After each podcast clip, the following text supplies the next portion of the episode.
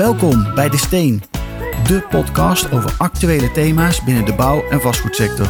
We bespreken maatschappelijke en politieke ontwikkelingen en delen kennis en ervaringen om relevante vraagstukken op te lossen.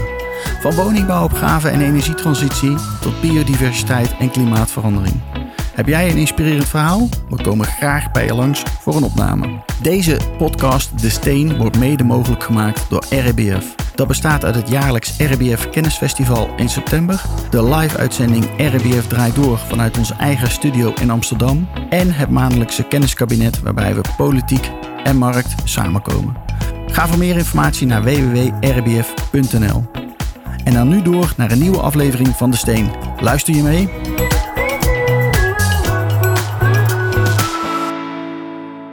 Welkom bij weer een nieuwe podcastaflevering. We zitten deze keer met Mare. Mare Santma, welkom. Ja, dankjewel. Leuk dat ik hier mag zijn. Ja, we zitten het vrijdagmiddag, we zitten een beetje relaxed erbij. Ja, en als ik even naar buiten kijk, dan ben ik blij dat we binnen zitten. Zo, ja, je had eigenlijk een vuurtje erbij uh, kunnen aansteken en een wijntje erbij. Nou, misschien komt dat zo nog. Maar helaas, ja precies.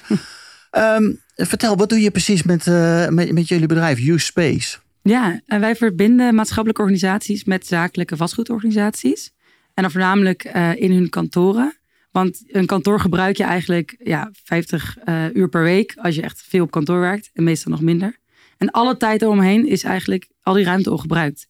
En wij zeggen tegen die kantoren van bied die ruimte nou aan voor die maatschappelijke organisaties. Want die zijn juist vaak buiten werktijden op zoek voor hun activiteiten. Ja, en maatschappelijke organisaties en vastgoed, daar zit nog wel een groot verschil tussen. Zeker ja. die corporate vastgoedwereld. Ja. Hoe, hoe, hoe, heb je die bereikt, zeg maar? Want hoe ben je met dit idee, hoe ben je met dit idee uh, gestart, zeg maar? Hoe ben je erop gekomen? Nou, dat is een leuk aanloopje. Uh, hiervoor werkte ik bij Getir. Dat een flitsbezorger, zoals uh, Gorilla's, Zep, Ja. Flink. Nou, weet je, met al die dark stores Ja, in Amsterdam en uh, andere grote steden. boodschappen bezorgen, vijf, minuten, eh, vijf minuten binnen huis of Ja. zoiets. Ja. Sixpackje bier en een paar uh, uh, repen chocola vaak. ja, precies. Nee, maar die, die kwamen natuurlijk in één keer heel erg snel in de stad. En die hadden allemaal kleine winkeltjes, dark stores. En die plakten ze allemaal af met stickers voor de ramen. Dat deden ze omdat ze dan gewoon meer plek hadden om een kast in neer te zetten. Maar dat viel echt volledig in het verkeerde keelgat bij ja, de Nederlander. Want wij kijken juist graag naar binnen uh, als er gordijntjes open zitten. Ja. Nou, dat was het probleem wat ze nog niet echt eerder tegenkwamen. Dus ze wisten niet echt wat ze ermee moesten doen. En tegelijkertijd uh, stuurde ik af naar ja, hoe je placemaking beter kan incorporeren in gebieden. En wat de financiële meerwaarde daarvan is. Ah, cool. En toen dacht ik van, hoe uh, kan je er eigenlijk voor zorgen dat een, een uh, ja, maatschappelijk of cultureel belang, dus bijvoorbeeld kunst in de openbare ruimte, uh, soort, zou gefinancierd worden door een commerciële partij, bijvoorbeeld Getir. Want zij hadden het probleem, de stickers voor de ramen. En de kunstenaars zijn vaak op zoek naar expositiemogelijkheden. Ja. Dus toen heb ik uh, bij Getir het plan gepitcht om al die winkels om te bouwen naar straatgaleries. En dat hebben ze toen uh, geaccepteerd. En dan kon ik in een half jaar lang heb ik 32 winkels in Nederland omgebouwd naar galeries. Wauw, hoe werd daarop gereageerd? Ja, dat was echt heel leuk. Dat was uh, super goede reacties. Uh, de allereerste winkel in Rotterdam werd ook echt wereldwijd. Uh, ging dat echt vrijwel. Want Turkije is, of Katir komt uit Turkije. En daar is een enorme achterban van die organisatie. En het werd daar echt een halve opstand. Want iedereen echt zat van, wij hebben allemaal die stickers en die paarse stickers. Dat willen wij ook. Ja, en in Nederland oh, hebben ze allemaal kunst in etalage. Hoe zit dit nou, weet je wel? Ja. Nou, en het grappige was, dus dat was ik aan het doen en dat viel goed. En dat ging over maatschappelijke belang bij zakelijke organisaties. Dus Ja. daar heb je het eerste haakje. En toen was er iemand, uh, Thomas van Leeuwen. Hij is uh, partner van ontwerpstudio Didok. Hij had hetzelfde idee bedacht. Precies hetzelfde. Zonder dat ik het wist. En toen had hij een oproep gedaan op LinkedIn. En had hij alle flitsbezorgers ingetagd. Van, uh, hey jongens, jullie hebben echt hele lelijke etalages. Kunnen we wat aan doen? Ja, precies. Moet u daar niet wat in etaleren? Ja. Nou, toen kwam een marketingmedewerker van Getir naar mij toe. Die zegt, moet je nou kijken, deze vent die heeft het exact hetzelfde idee. Echt tot de titel van het hele bericht, van Dark Store naar Art Store. Oh, echt? Ja, was ook de titel van mijn pitch. Briljant. Ja. Echt niet normaal. Dus je had iets te pakken wat meerdere mensen... Vaak is dat dan goed, een goed idee. Ja, zeker, zeker. En daar was ik dus ook maar blij mee dat wij uiteindelijk toch gelukkig de eerste waren die dat hadden gelanceerd. Want dat was echt een, uh, dat was echt een enorm tempo. Binnen vier weken nadat ik startte was de eerste winkel online. Of uh, werd, die ge, ja, werd die geopend. Ja.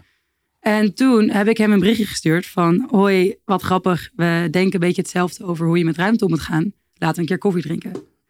Nou, dat gedaan. En daar hadden we heel erg het gedeelte belang van... Ja, optimaal gebruik maken van ruimte. Zodat veel meer mensen kunnen genieten van de gebouwde omgeving. Ja, want nu, zeker in kantoren, maken we daar nou niet echt optimaal gebruik van. Nee, totaal niet. En uh, bijvoorbeeld hotels hetzelfde. Je hebt hotellobby's en er zijn mensen eigenlijk alleen omdat ze aan het wachten zijn op een sleutel of hun spullen. En die worden wel heel mooi ontworpen. Die ontwerpt zelf ook hotels.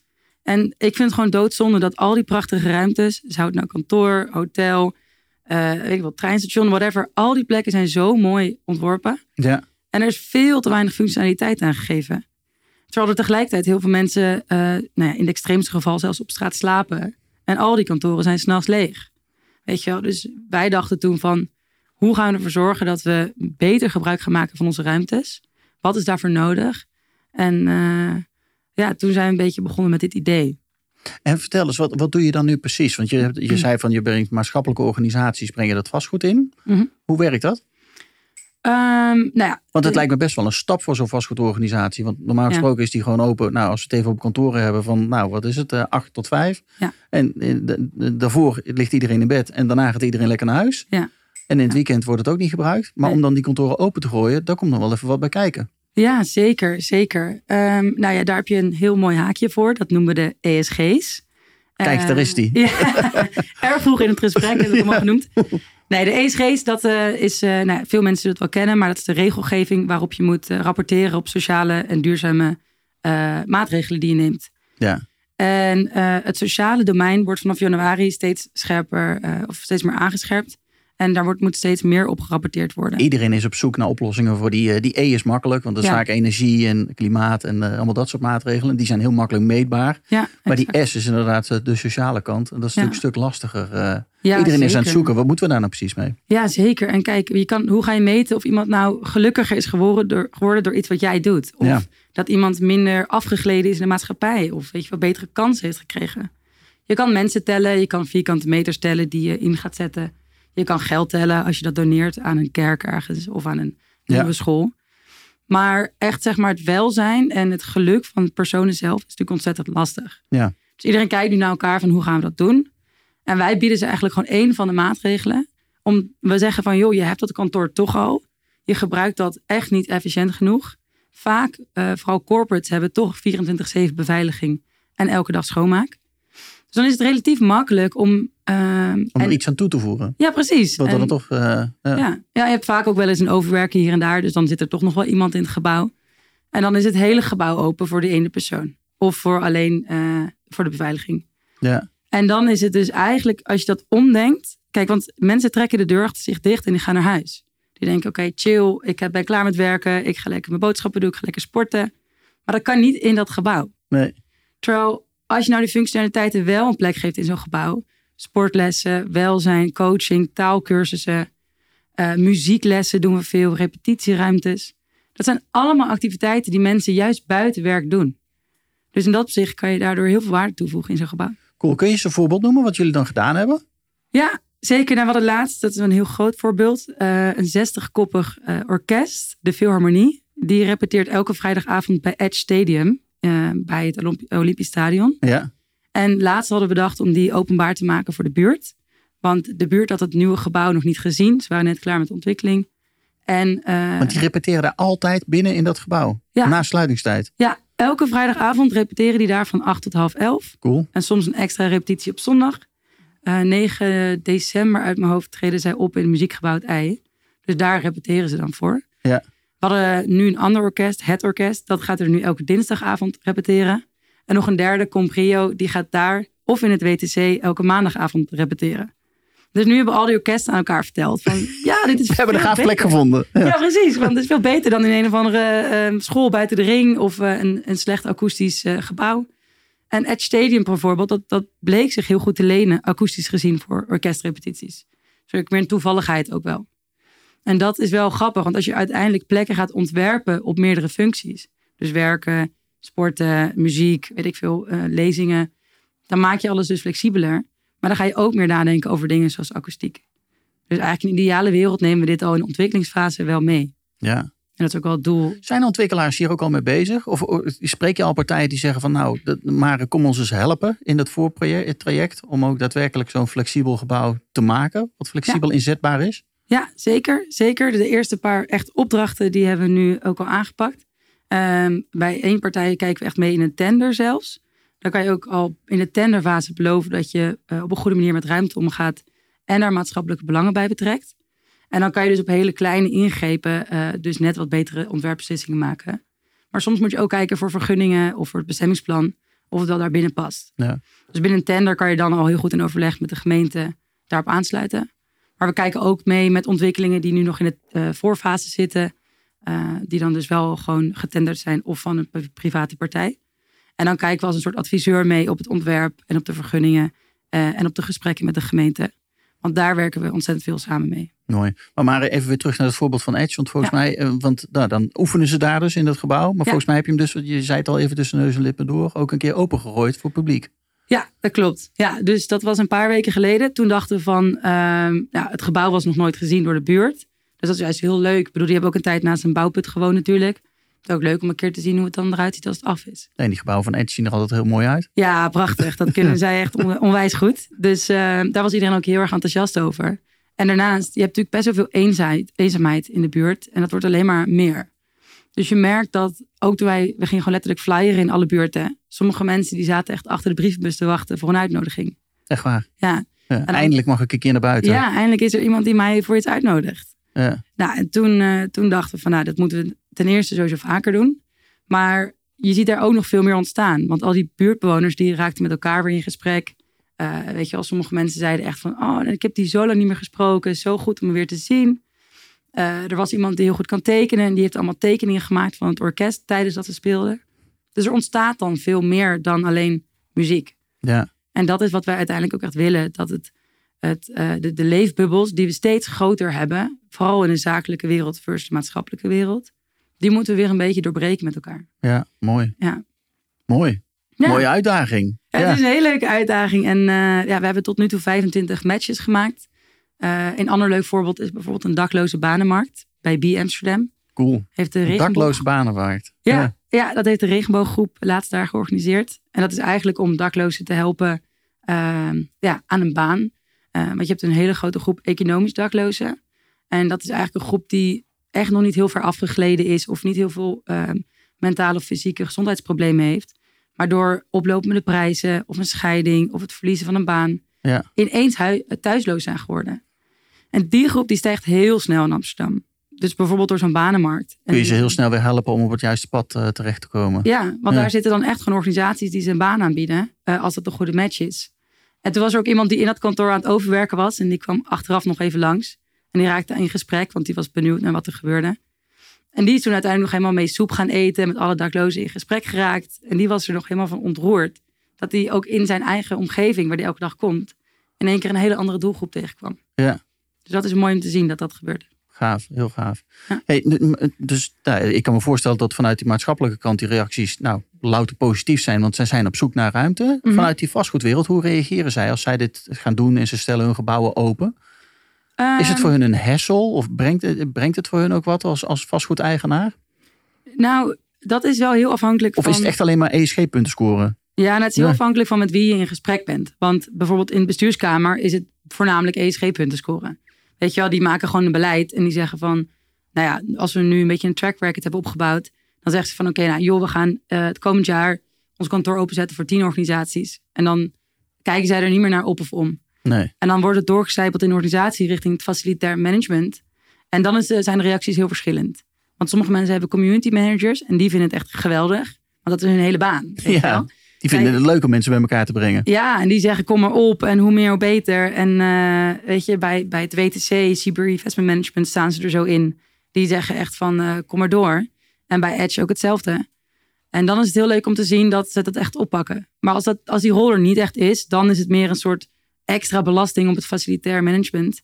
Uh, of operationeel management. En dat wordt dan soms wel gezien als een, ja, een extra taakje in een takenpakket wat je niet van tevoren hebt afgesproken. Ja. En ik denk, dat is natuurlijk ook een soort van, het is altijd met innovatie. En je zit in een soort van transitieperiode waarin, uh, kijk, die beslissingen namelijk op bestuursniveau, die worden niet altijd op dezelfde manier doorgedragen in de hele organisatie. Tot op, tot op het niveau van facilitair.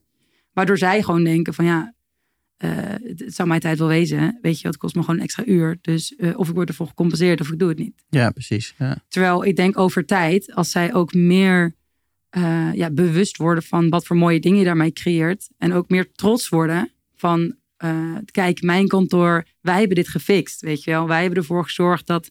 Nou ja, je bent veel groter dan je kantoor aan het kijken. Want eh, natuurlijk gebeurt er wat binnen dat kantoor, maar dat heeft effect wat je vertelde op die hele community rondom zo'n heel gebouw. Ja, exact. En als je één zo'n match hebt gemaakt, dan, dan zit je ook bij op, op die laag van, van het operationeel management. Die zijn dan ook echt helemaal lyrisch. Want die zijn gewoon die zijn zo blij dat ze dat kunnen doen voor de buurt.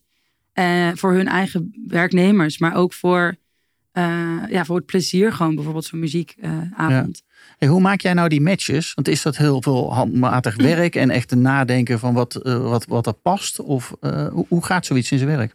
Ja, dat is momenteel echt nog heel handmatig. Ik zeg altijd, ik ben echt één grote callcenter geworden. maar nu vind ik het gelukkig niet erg om veel te praten. Dus dat is alleen maar mooi meegenomen. Maar ik heb een collega Eva en zij doet ook een groot deel van de matches. Dus die is echt de hele dag op en weer aan het fietsen. We hebben allebei geen auto, dus het is echt van Houthavens naar Zuidoost, naar Nieuw-West, naar Noord. nou, het is echt... Je doet het alleen in Amsterdam? Ja, alleen in Amsterdam, gelukkig. Ja, ja. Ik bedoel, het, het, kost al heel veel tijd om rond te reizen hier. En, uh, Want waarom moet je rondreizen? Om al die locaties te gaan bezoeken? Ja, de locaties, de maatschappelijke organisaties. Uh, Kijk, ik vind het heel erg belangrijk. Het is echt een menselijk aspect. Um, hoe je ruimtes gebruikt. En als je te vroeg al gaat beginnen met een of ander gelikt platform. waarvan je allemaal kortings geeft en weet ik veel. om, om mensen te trekken. ja, dan komt het niet van de grond. Want zeg maar, het is niet. Uh, en het moet ook passen, dus. Het moet ook passen. Kijk, als je een kantoor aan gaat bieden, zo'n Edge Stadium bijvoorbeeld, dat is natuurlijk immens groot. Het heeft allemaal interessante hoekjes. Het WTC, daar was ik gisteren. Is, er zijn gewoon echt anderhalf uur rondgelopen en allemaal foto's gemaakt van plekken die interessant zijn. En ja, of ja, het is niet zomaar even 10 vierkante meter. Nee, en het zit, van, er zit een heel verhaal achter de vierkante meters. Ja, en nee. het, is, het, is, niet zo van, uh, ik heb een lege unit, gebruik dat maar voor de time being. Dat is niet echt wat we doen. Het is echt het toevoegen van functies op gebruikt vastgoed. Dus dan moet je rekening houden met dus akoestiek, maar ook met overlast, met ja. beweegruimte, met opslag, hele belangrijke. Want heel veel kantoren hebben natuurlijk zo min mogelijk opslag, want dat is dan minder goed verhuurbaar. Terwijl opslag een van de belangrijkste dingen is als je met uh, veel mensen ruimte deelt. Ja. Dus dat zijn hele interessante lessen die we zo snel leren. Uh, en aan de andere kant van de maatschappelijke organisaties, die denken vaak dat ze een plek vast nodig hebben. Dus bijvoorbeeld krijg je een, uh, een coachingorganisatie die zegt, ja, ik heb 200 vierkante meter nodig voor dit en dit en dit en dit en dit. Uh, en dat moet ik altijd kunnen gebruiken. En dan gaan wij naar en wat bedoelen ze dan met altijd? Eén dag in de week? Of is dat dan... Uh... Ja, dan gaan we dus met hun in gesprek. Want zij denken dan, gewoon traditioneel gezien heb je natuurlijk bedrijfsruimte. Dan is dat dan gewoon jouw bedrijfsruimte. Ja, weet je wel? van maandag tot en met vrijdag. Ja, exact. Ja. En dan ook zij gebruiken dat niet buiten werktijden. Ja. Of juist buiten werktijden en overdag niet. Dus uh, dan gaan we met hun in gesprek. En dan zeggen van, wanneer heb je nou precies die coaching? Nou, dan blijkt dat bijvoorbeeld op de dinsdagavond, de donderdagavond en de vrijdag overdag te zijn. En één keer in de zoveel tijd een weekendsessie. Ja. Nou, dat zijn perfect momenten, momenten dat je daar een kantoor van kan inzetten. Want dinsdagavond, donderdagavond is daar niemand. Nou, op vrijdag zit nog maar een vijfde überhaupt op kantoor. En het weekend is er ook niemand. Dus wij moeten echt aan beide kanten moeten we mensen uh, ja, een stukje laten omdenken. Om te zien welke mogelijkheden er zijn. In plaats van welke uitdagingen er allemaal liggen. Mooi. Hoe zouden wij daarbij kunnen helpen vanuit een, het RBF ook, vanuit ons festival? Want wij richten ons natuurlijk met name op nou ja, gemeenten en ook de, de grote mm-hmm. corporate organisaties en alles wat daartussen zit, zeg maar. En, uh, mm-hmm. Maar maatschappelijke organisaties, die lopen er bij ons nog niet rond. Mm-hmm. Vind je dat, dat wij ons daar ook op moeten focussen? Ja, ik denk wel dat het goed is om uh, de maatschappelijke wereld ook meer een stem te geven in de vastgoedsector. Ook op de, uh, weet je, de, de informatiedagen, de vastgoedbeurs zoals de Provada, de samenkomst, het RIBF Festival bijvoorbeeld. Als daar ook maatschappelijke organisaties als een soort ambassadeur of een soort spokesperson namens hun community uh, hun woord kunnen doen, dan open je veel meer het gesprek over wat er nou eigenlijk precies nodig is. In plaats van dat wij met z'n allen gaan praten over wat we denken dat nodig is. Ja. En elk thema ongeveer is tegenwoordig de inclusieve stad. Laten we dan die, die, samen, die bijeenkomsten en die beurzen ook inclusief maken. Ja.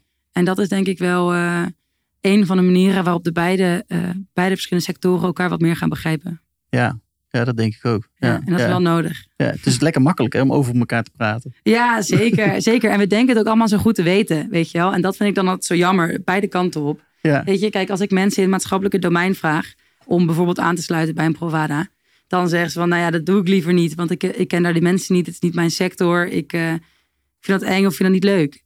En andersom is dat ook vaak zo, weet je wel. Als bij, bij de zakelijke wereld vragen om echt het gesprek te openen, dan doen ze dat liever via mij. Ja, Want zonder mij en zonder Uspace hebben ze dat gesprek niet gestart. En dan denk ik wel van ja, we moeten beide werelden echt, dat is echt niet alleen de verantwoordelijkheid van de vastgoedsector, ook echt van de maatschappelijke sector. Moeten we een stapje in de goede richting doen. ja, ja, dat denk ik ook. Ja, dat, en dat is niet heel makkelijk, maar daar moeten we wel allebei voor open gaan staan. Ja, Ja. zeker, zeker. Ja. Hey, nog één vraag over, over Uspace. Wat, wat is jouw verdienmodel nou? Want maatschappelijk, dat is vaak ook met subsidies en eh, is misschien wat lastiger om naar je businessmodel op rond te krijgen. Maar hoe doe je Ja. dat? Ja, dat, ehm, dat is een goede vraag. Dat stellen heel veel mensen. en dat snap ik ook wel. Eh, wij zijn zelf nadrukkelijk geen stichting, omdat we niet willen dat we altijd afhankelijk zijn van donaties of overheidsfinanciën of subsidies. Want ik vind dus juist dat ehm, mede dankzij de ESG's is ook maatschappelijk belang. Ook uiteindelijk kan dat zorgen voor een beter financieel rendement. Ehm, Ja, dus het is gewoon, het is gewoon een businessmodel. eh, het, gewoon moet een- gewoon, ja, het moet ook gewoon een businessmodel zijn Ja, denk ik. En Ja. dat moeten maatschappelijke organisaties ook in gaan zien. Het moet een businessmodel worden, want anders dan kan het nooit op zichzelf staan. En daarom zijn we dat zo begonnen. En dat was echt best wel een, een zoektocht. We zijn een jaar verder en ik heb mezelf pas eh, één keer salaris uitgekeerd. Dus dat eh nou, gaat lekker. let het ondernemen. Nee, ja, dus Nee. vanaf nu. Hè, dus, dus vanaf nu is het voorbij. Maar ik heb het dus inderdaad wel een jaar ook eh, zelf freelance werk in de avond en het weekend moeten doen. eh, om, om zelf Om dit voor elkaar te krijgen. Ja, Ja, maar Ja. nu zijn we eruit en nu is het, zitten we zo erin dat de maatschappelijke organisaties die betalen ons een vergoeding voor de ruimte die ze gebruiken. En die vergoeding is dan weer afhankelijk van het besteedbaar of het besteedbaar inkomen of de, of de budgetten van die organisatie. Dus een organisatie die meer financiën heeft of meer subsidies of meer donaties, die betaalt Je ons mag ook iets meer betalen. Ja. ja. en in ruil betalen wij ook, of helpen wij ook een aantal organisaties gewoon helemaal gratis. Omdat zij dan alleen maar met, met vrijwilligers werken. En dan hebben ze gewoon niks. Ja. Dus dan, dan ja, categoreren, zij, wij hun, eh, categoreren wij hun in de ja, gratis categorie. Maar er komt op een gegeven moment een omkeerpunt. Want dit doen we ook eh, een beetje voor de time being. Op een gegeven moment, als het voor de bedrijven duidelijk genoeg is dat we Ja, waar die waarde in zit. ja, dat we voor hen waarde creëren. En niet alleen eh, sociale waarde, maar ook marketingwaarde, PR-waarde. Zelfs recruitingwaarde. Want mensen uit mijn generatie, ik ben 25, net de Gen Z. Die willen ook alleen nog maar werken op plekken waar je zichtbaar impact maakt. Ja. Dus, Dus daar is dit een, er komt er gewoon niet meer mee weg als Nee. jij je kantoorpand eh, wel de verlichting aan hebt staan, maar Ja. dat er geen gebruik van gemaakt wordt in de weekenden en Ja. de avonden. Nou ja, en zelfs Ja. overdag. Als je op plekken zit waar gewoon geen levendigheid is. Ook en alleen dan. maar een monotone functie, namelijk werken. Ja, Ja, dan, kijk, mijn generatie is dan gewoon echt best wel snel weg. We zijn totaal niet loyaal meer in dat opzicht. nee. Eh, dus als dat ommekeerpunt duidelijk genoeg is, ja, dan gaan we, eh, eh, worden, gaan we gefinancierd worden door de zakelijke wereld. ja, dat zou natuurlijk helemaal mooi zijn. Ja, want dan kunnen Ja. de maatschappelijke organisaties al hun financiën weer steken in hun eigen ja, doel behalen. Wat, weet je wel, wat Ja, dan wil je geen geld meer vragen aan die, aan die maatschappelijke organisaties Nee, voor het huren van de ruimte. nee, Ja. nee, precies. Nee, want zij horen natuurlijk gewoon in geld te stoppen in de doelen die ze ondersteunen. Ja, want je zou kunnen zeggen dat elke euro die ze natuurlijk niet aan, aan hun doelgroep betalen of uitgeven of aan hun doel. Ja, dat is natuurlijk eigenlijk, gaat dat ten koste van, van hun eigen resultaat. Is dit nog een beetje toekomstdenken van je? Eh, wat je? Wat je net zei over hoe het verdienmodel eruit zou moeten zien? Of, Ehm. of heb je nog andere wensen voor in de toekomst hoe dit echt eh, zou moeten, eruit zou moeten komen te zien? Ja, dat is echt vind ik een leuke vraag. Want ehm, nou, ik heb zelf architectuur gedaan, Thomas ook, Eva ook. Dus wij zijn, onze echte toekomstdroom is echt weer richting het... Wie is Thomas dan? Oh, sorry. Ja, Thomas is dus de partner van die ontwerpstudio Didok. Oké, ja. Ja, dat is die Ja, van de- dat is de, de, de eerste de keer de vraag. aanstichter De aanstichter. Ja, precies. Ja. Ja, wij, wij hadden... En die is nog steeds een beetje in met dit bedrijf eh, om jullie mee te helpen? Zeker. Ja. zeker. Ja. Didok, eh, dat is dus eh, die ontwerpstudio. Ja, Die heeft de helft van, of ja, de, hel- de helft van Urspace is van hen. En de helft is van mij. mooi. Ja. Dus dat blijft ook zo. En dat is leuk, want daardoor hebben wij ook gewoon collega's, eh, een kerstborrel, een kantoor. Weet je wel, ik vind het ook wel heel gezellig om gewoon onder de mensen te zijn. ja, En start-up kan anders ook best wel eenzaam zijn. zeker. Dus dat heb ik gelukkig wel allemaal. En hij is nog steeds betrokken. Maar ons, eigenlijk, ons doel uiteindelijk is om gebouwen echt gaan ontwikkelen. Op zo'n manier dat je ze al vanaf begin af aan kan gebruiken voor misschien wel drie, vier, vijf functies na elkaar. Dus eh, we hebben zelfs zo'n gebouw ontwikkeld in de houthavens, die ook dan. Ons eigen kantoor. En daar is, as we speak, wordt er nu een pop-up restaurant voorbereid. Voor vanavond en overmorgen eh, en morgenavond. En dan komen er allemaal mensen eten. 200 mensen. Hoe cool. Ja, en maandag. En daarna is het weg. ja, nou, dat doen ze drie weekenden. Maar dan zondag ruimen ze het op. En dan maandag tot en met vrijdag is het gewoon weer werken. En dan in het weekend weer pop-up restaurant. Ongekend. Ja, en in de avonden hebben we exposities, sportlessen, uh, informatieavond voor de buurt, voor de lokale VVE. Uh, het kan van alles zijn. Het kan echt van alles zijn. Iedereen die iets wil doen in de houthavens, DB55 heet het, kom lekker langs. Want uh, eigenlijk is het antwoord altijd ja. En als het niet lukt of niet kan, dan, dan gaan we ervoor zorgen dat het toch wel kan. En uiteindelijk het doel. Goeie mindset. Ja, maar dat moet je ook hebben met al dit. Hè? Weet je, dat herken jij misschien ook wel. Zeker. Je er zijn altijd oplossingen. Precies, je bent een soort stormreker zijn, want anders dan kom je er niet doorheen. En mensen denken gewoon vooral in deze sector heel erg snel in problemen. Uh, en heel erg, ze kijken alleen maar een beetje naar de gebaande paden die er al, weet je wat, Zo doen we dat al jaren. Ja. Ja. En nu komt dat natuurlijk allemaal een beetje in het geding, omdat het steeds moeilijker wordt om te ontwikkelen. We kunnen niet meer nieuw bouwen. De business case kan niet meer uit. Weet je wel, zoveel, zoveel klachten. En ik snap het ook wel, want er zijn heel veel externe factoren waardoor mensen niet meer door kunnen. Maar ik denk wel dat het iedereen nu noodzaakt om te kijken naar ja, de dingen die we nog wel kunnen doen. Ja, daar ben ik helemaal met je eens. Uh, daar is alleen het, het, vraagstuk natuurlijk, om dit ook een beetje langzaam af te ronden, is de mhm. economie zit nu natuurlijk nu een beetje tegen. Ja. Uh, dus is er dan ook ruimte voor dit soort initiatieven? Ja, hoe, hoe, kijk, hoe, hoe, merk jij dat? Nou, uh, dat mensen hebben wel misschien tijd. Ja, klopt. Ja, ja, en met tijd kan je heel veel bereiken. Hè? Want kijk, wat we willen is juist dat mensen elkaar weer vinden. En niet dat er ergens wordt, dat er ergens wordt afgerekend. Omdat er dan een stapeltje punten wordt, uh, wordt opgehaald. Je wilt juist die tijd erin steken. En je wilt juist dat mensen echt enthousiast worden uh, om weer met elkaar om te gaan. Kijk, weet je wat je ook ziet? Bijvoorbeeld, we hebben ergens ook een organisatie die, uh, die zorgt voor um, digitalisering in scholen in Kenia. Dat heet Momo Education. En zij kunnen of willen uh, maandelijkse workshops organiseren voor dat kantoor. En daardoor gaan zij weer in gesprek met elkaar. Hoe gaan we dat doen? En dat, dat scheelt je dan weer geld, namelijk externe kosten voor een workshop. Mhm. Dus eh, in de, bijvoorbeeld bij ons op kantoor is er een big band elke woensdagavond, repeteert hij. En die gaat nu ook gratis bij ons optreden voor ons kerstdiner. Lachen. Dus je kan ook geld besparen. Als je, nog eentje, een leuk voorbeeld. uh, kunstuitleen abonnementen. Die zijn ook best wel duur voor corporate kantoren.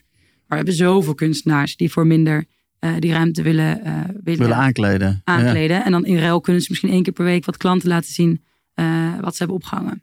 Superleuk. Dus je moet gewoon iets meer denken in mogelijkheden. En dan, en dan ja, zou je zien dat het allemaal niet zo lastig is. En dan gaat de wereld voor je open. Ja, zeker. Leuk. Waar ben jij nou precies naar op zoek? Hoe kunnen wij jou vanuit ons netwerk ook helpen?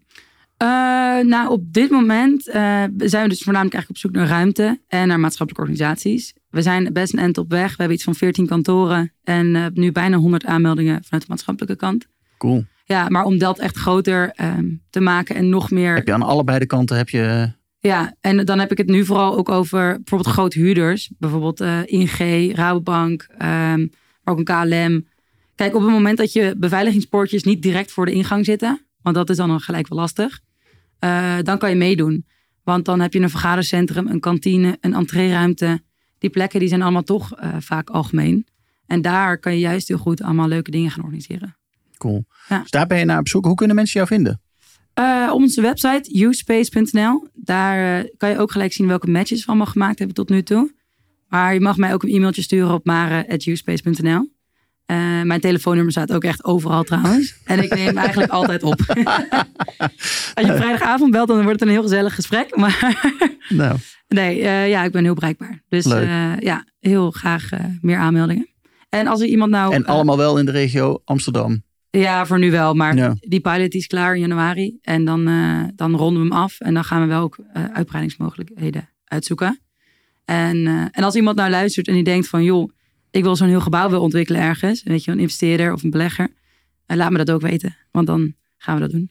Cool. Ik uh, heb al wat mensen die uh, langs mijn radertje gingen tijdens dit gesprek waar ik je mee wil verbinden. Dus dat, uh, dat ga ik ook doen. Ja, top. Dankjewel dat je hier was, Mare van, van U-Space. En ja, we gaan je in, in de gaten houden. En heel veel succes en, en geluk en wijsheid toegewenst. Ja, Want het is een mooi initiatief dat je bent gestart. Dankjewel. Echt superleuk om hier te zijn. Mooi om deze mogelijkheid te krijgen. Dankjewel. Een fijn weekend. Yes, jij ook. Je luistert daarna op de podcast De Steen. Hopelijk hebben we je geïnspireerd om een beter gebouwde omgeving te creëren. Er kan al namelijk zo ontzettend veel. Deze podcast wordt mede mogelijk gemaakt door RBF. Dat bestaat uit het jaarlijks RBF Kennisfestival in september, de live-uitzending RBF draait door vanuit onze eigen studio in Amsterdam en het maandelijks kenniskabinet waarin markt en politiek samenkomen. Voor meer informatie ga naar www.rbf.nl. Het team van RBF wens je een fijne dag toe. Bedankt voor het luisteren en hopelijk tot snel.